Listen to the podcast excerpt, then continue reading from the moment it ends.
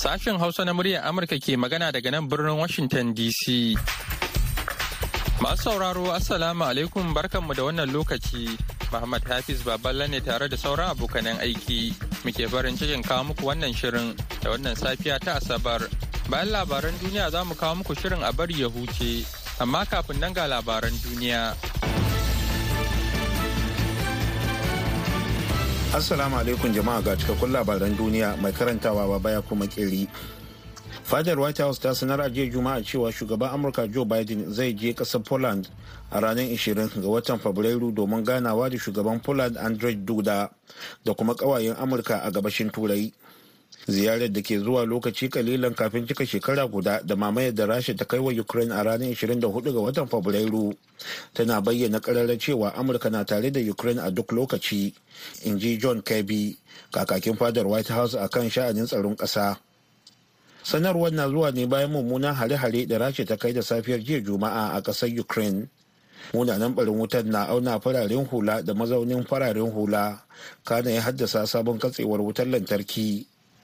A cewar wakilin murya amurka ana shanikova wanda a halin yanzu take a can birnin kiev ministan makamashi heman halushinikov ya tabbatar da an kai hare-hare a kan na'urar samar da wutar lantarki da manyan injunan kai wuta a yankuna shida na ƙasar shugaban ukraine volodymyr zelensky ya kira munanan hare-hare na rasha da ƙalubale ga ƙungiyar tsaron nato da kuma tsaron bai ɗaya wannan ta'addanci ne da za a iya dakatarwa kuma dole ne a dakatar da shi a wani jawabinsa na faifan bidiyo.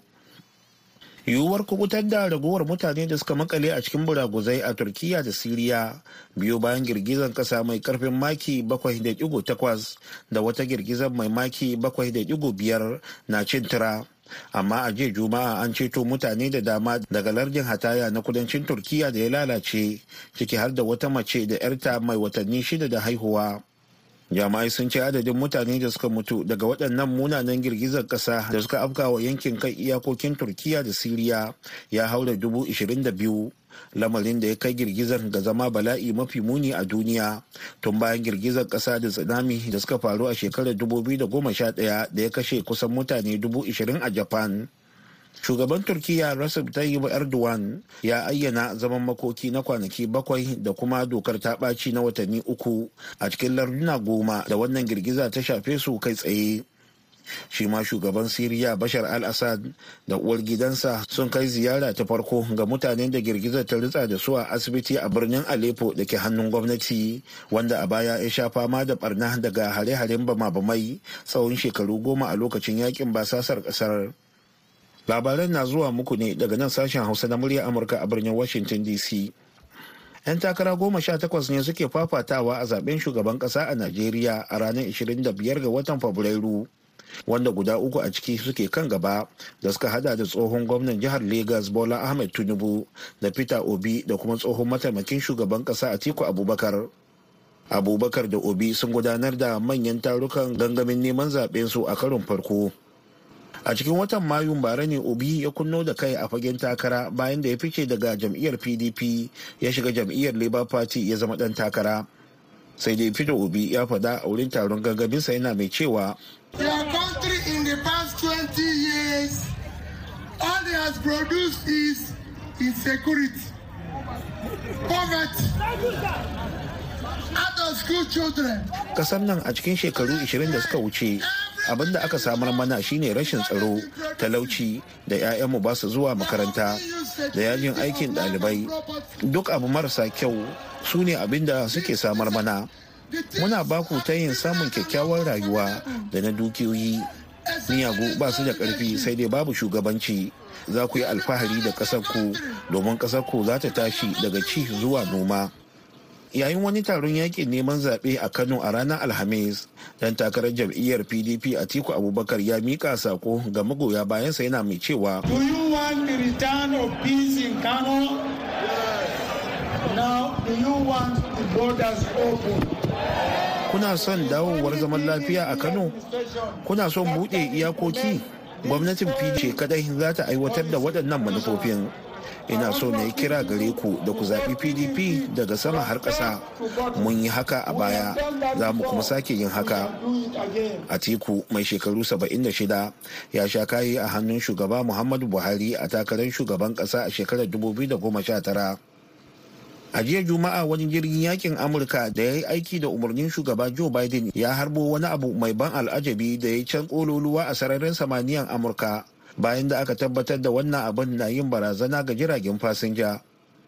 A cewar ma'aikatar tsaron amurka ta pentagon abin ya shiga sararin samaniyar amurka ne a cikin dare a ranar alhamis. Kana rundunar arewacin amurka ta gano shi yayin da yake dannawa a cikin girgije ta arewa maso gabashin jihar alaska.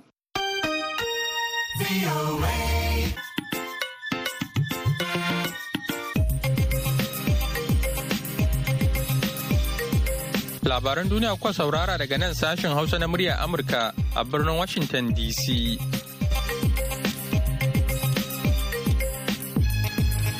Yanzu kuma sai a gyara zama domin jin shirinmu na gaba.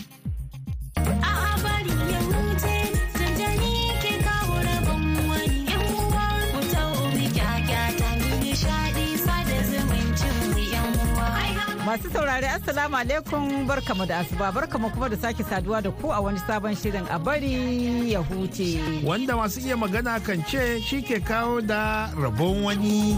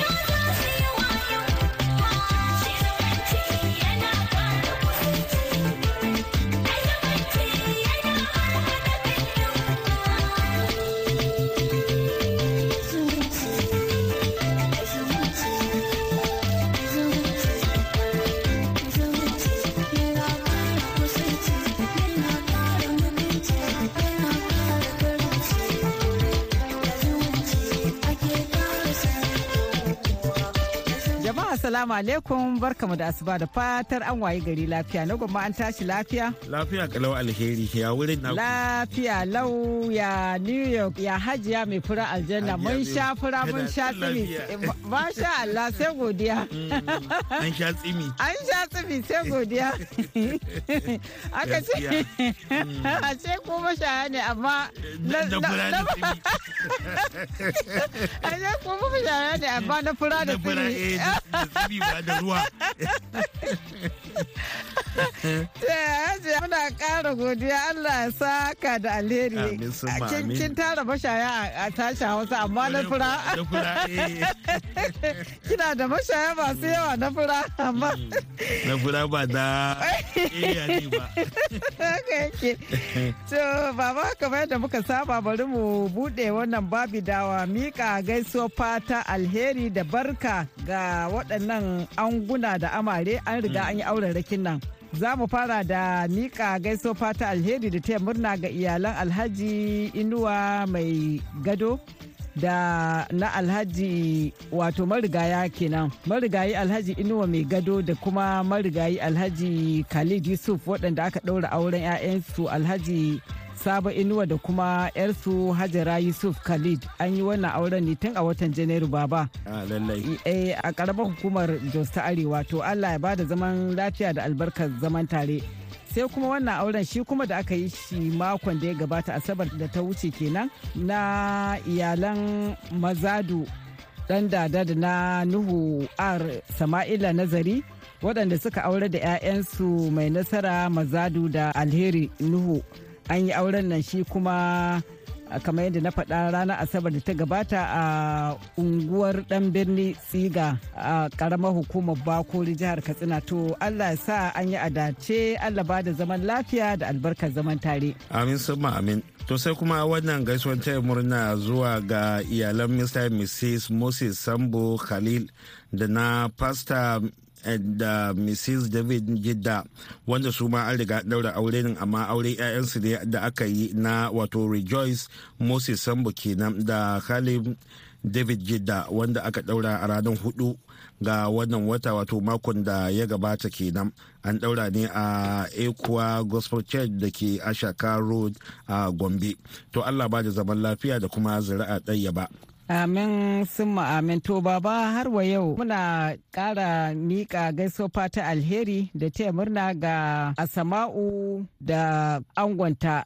tekura te da aka fi sani da te su ma an yi auren su ne ranar asabar da ta gabata. A garin jos jihar plateau. Allah ya ba da zaman lafiya da an dai sha buki a an makon da ya gabata. To su waɗanda dama suke jiran gaisuwa irin haka domin su je su wannan karan sai dai ku sai dai ku Yan ji- ina da buki. yan da buki. Wannan karan kan sai dai kun ji a salansa kun taka miya.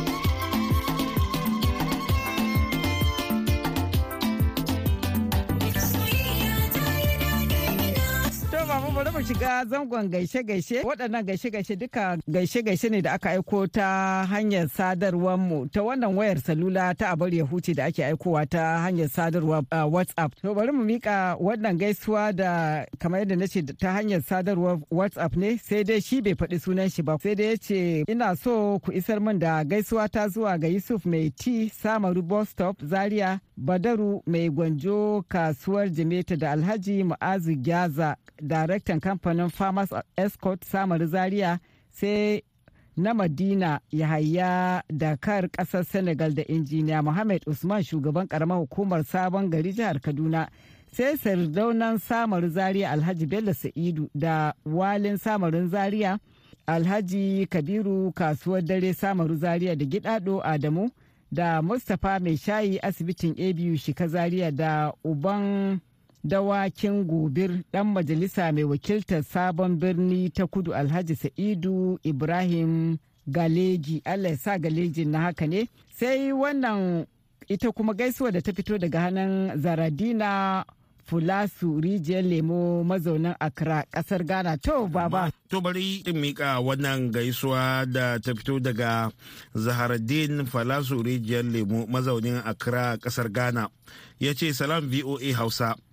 Ina son ku isar min da saƙon gaisuwa zuwa ga 'yan uwa da abokan arziki kamar haka. Ina gaida atiku ɗan yarbawa barbajo da imrana madaha bako da ali sarkin yaƙi nima sai kuma garba mai matankaɗi kasuwar sabon zango da muhammad shehu mararraban kunini da sani muhammad cindo da mudassar muhammad tafawa balewa da fa'ilu dan ladi mahuta sai kuma usman manika mai ruwa funtuwa da dukkanin masu sauraren ku ku tashi lafiya To sai kuma gaisuwa da ta fito daga Aliko Auta kafinta Yalwa gindin akwati barikin ladi jihar Filato. Ya ce ku isar man da gaisuwar sada zumunci zuwa ga Baffa na Biba Sabon Gari Tilden Fulani da Alhaji Haruna Bibi Watar Masuwa da Sani ɗan kaka mai fanta Kano da Hajiya Beauty NNPC Jos Depo da Shafi'u Ɗanlelen Unity FM Jos da Lawal Bana Hambali MK Dan Silba Sokoto da Ibrahim SD Kusfa Zaria City. Sai kuma malami kura garin sarkin noma da ayuba isa garin sarkin noma ya ce yana gaida jt love jikan duna da sani cid makole da nazifi ibrahim rugan malam da jamila da fati matan ado salati goma ga annabi rijau da bashir tela lafiyan bare bari da usaini dangote karasuwa da mai aduwa mai wanki da guga a yalwa da maman kulu mai saida kayan miya yalwa da umar guru a gindin akwati da alhaji kabiru pro gindin akwati da alhaji babaji a gindin akwati da matana maimuna a yalwan gindin akwati da fatan an tashi lafiya To madalla baba kamar yadda muke faɗa kullum komi kirkin ka ba ka gama kasuwa da gaisuwa. Ko kaɗan. Sabili da haka bari mu dire da waɗannan gaishe-gaishe guda uku dukansu da suka fito daga hannun masu sauraron da suka aiko mana ta hanyar whatsapp.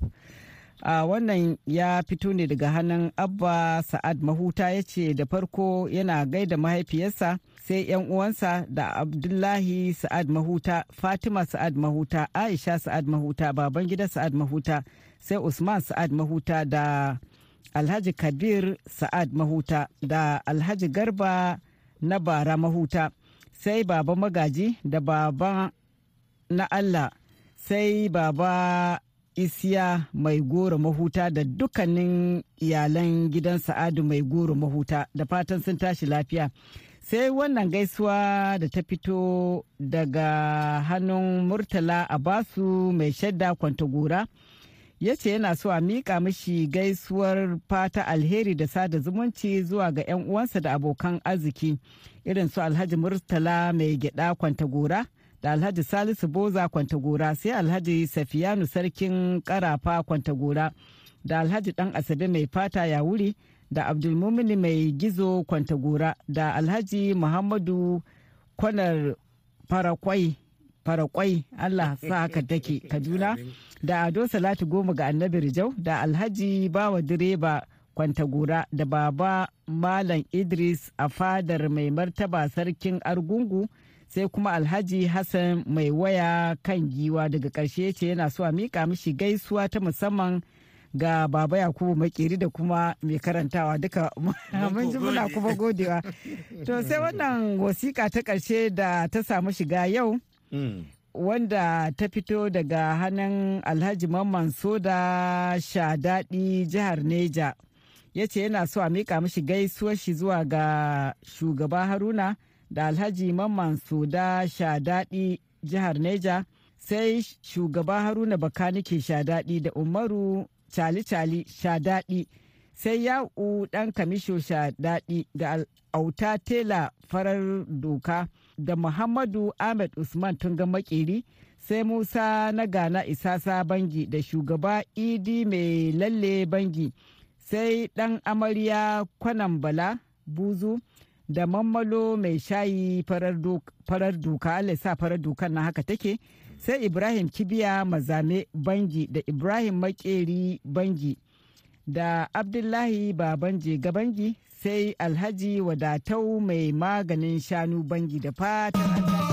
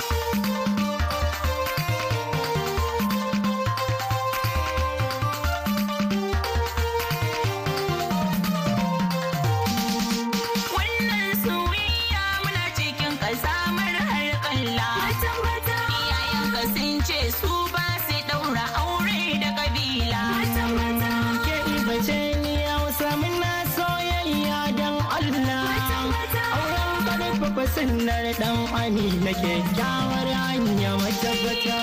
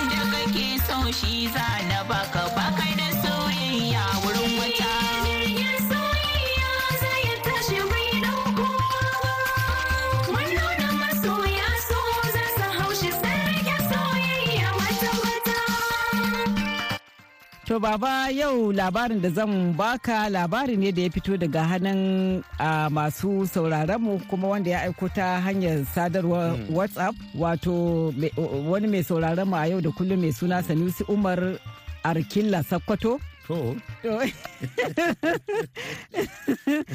Baba ya ce labarin wani barawo ne da wani, da ya shiga wani gida. Ashe bai sani ba gidan mai wasan kura ne bakon barawo ne a garin. Sai bai sani ba sai ya shiga gidan mai wasan kura. To da ya- da ya fada gidan ya gama 'yan dauke-dauken shi zai fita Eh. kenan. Sai ga wani haske a bakin ƙofa ka san ka shiga cikin duhu ba ka Eh. gane abin da kake ciki amma in ka daɗe a cikin duhu sai idan ka ya fara fahimtar yawwa Ka- Kada gane inda kake. da kuma ka iya ganin waɗansu abubuwa Haka. sai ya fahimci cewa ashe kura ce a zaune a bakin ƙofar nan inda ya shigo bai- ganta ba lokacin da yake shiga Kuma ya riga ya shiga. ya riga ya shiga ya yi Ya gama shi zai fita baba sai ya ga ashe ga kura a bakin ƙofa ya rasa yadda zai yi. Kura ta zuba mishi ido ta zuba mishi ido. Ka san ke san ko kura ta zuba ma ido sai ka ga kaman kalli wani haske kaman ya mutu a tsaye ya rasa yadda zai yi. Ya juya haka sai ya ga shi mai kura na a kwance kusa da shi yana bacci. Yana bacci da. shi kenan sai ya bubbuga mai kura ya bubbuga mai kura ya tada shi ya ce kai kai malam malam tashi ka kama barawo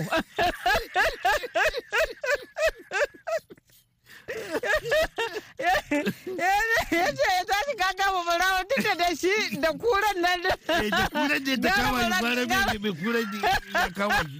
gara mai kuran da ya kama shi to baba da ya ce wato kai baba in kai da mai kuran nan Eh. za- ka bari kuran ta kama barawon ko kai ka kama barawon ya za ka yi idan Ni ne mai kuran. Sai ce bari da safe bari da safe. Ne sai ni bacci- ya dame ni. Eh, bari da safe. Ba kama a shi. ce a da Allah fita kawai na yafe ka je kawai abin da ka samu Allah amfana ba ka. Ke kai raba ni in bacci na. Ba ba ka ɗauka ba tafi tafi da su. tafi da su kawai rabonka ne rabonka ne na Ka tsallaka wannan abin ba. don Allah baba don Allah ka kama ni don Allah malam To bari da safe zan kama ka. ka kama barawo to na ga malama jini na daga mana hannu sabili da haka bari mu ja birki nan yanzu a madadin. Baba ya koma alheri yake muku fata alheri da kuma fata Allah ba mu lafiya da zaman lafiya da abin da lafiya za ta ci da alheri. Sai kuma mako mai zuwa ma karanta wani daga cikin labarin da ku masu sauraro za ku aiko mana ko ta hanyar facebook ko kuma ta wannan ta wannan hanya ta whatsapp. To da alheri. 何何何何何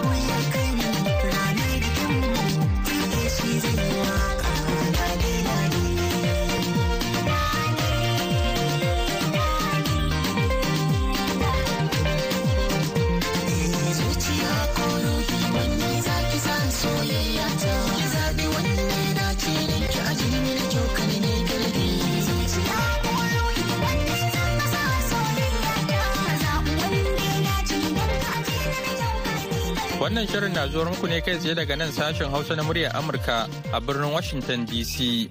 Ga masu sauraron ma jamhuriyar Nijar za ku iya sauraron ma tashar mu ta BOA Africa akan mita 200.5. Baya ga haka a koda yaushe ake so za ku iya zuwa shafukanmu na intanet wato a boahausa.com ko kuma sashin hausa.com ko kuma shafukanmu na sada zumunta Facebook da Twitter domin sauraron shirye-shiryenmu inda za ku kuma iya yin tsokaci da bayyana ra'ayoyi. Kuna kuma iya aiko mana da saƙonni ta hanyar imel a sashin hausa at boanews.com. Da haka ne kuma muka kawo ƙarshen shirin namu a wannan lokaci sai kuma da rana ku ji abokanan aikinmu da wani sabon shirin da ya haɗa da adawo lafiya.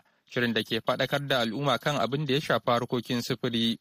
Za ku iya samun ƙarin haske kan dukkan rahotannin da muka gabatar, har ma da ƙari a shafinmu na intanet boahausa.com da kuma shafinmu na sada zumunta Facebook da kuma Twitter. Yanzu a madadin dukkan waɗanda suka ba da gudunmawa ga nasarar wannan shirin da suka haɗa da Julie Gresham da ta haɗa shirin da ba da umarni. Muhammad Hafiz Baballake sallama da ku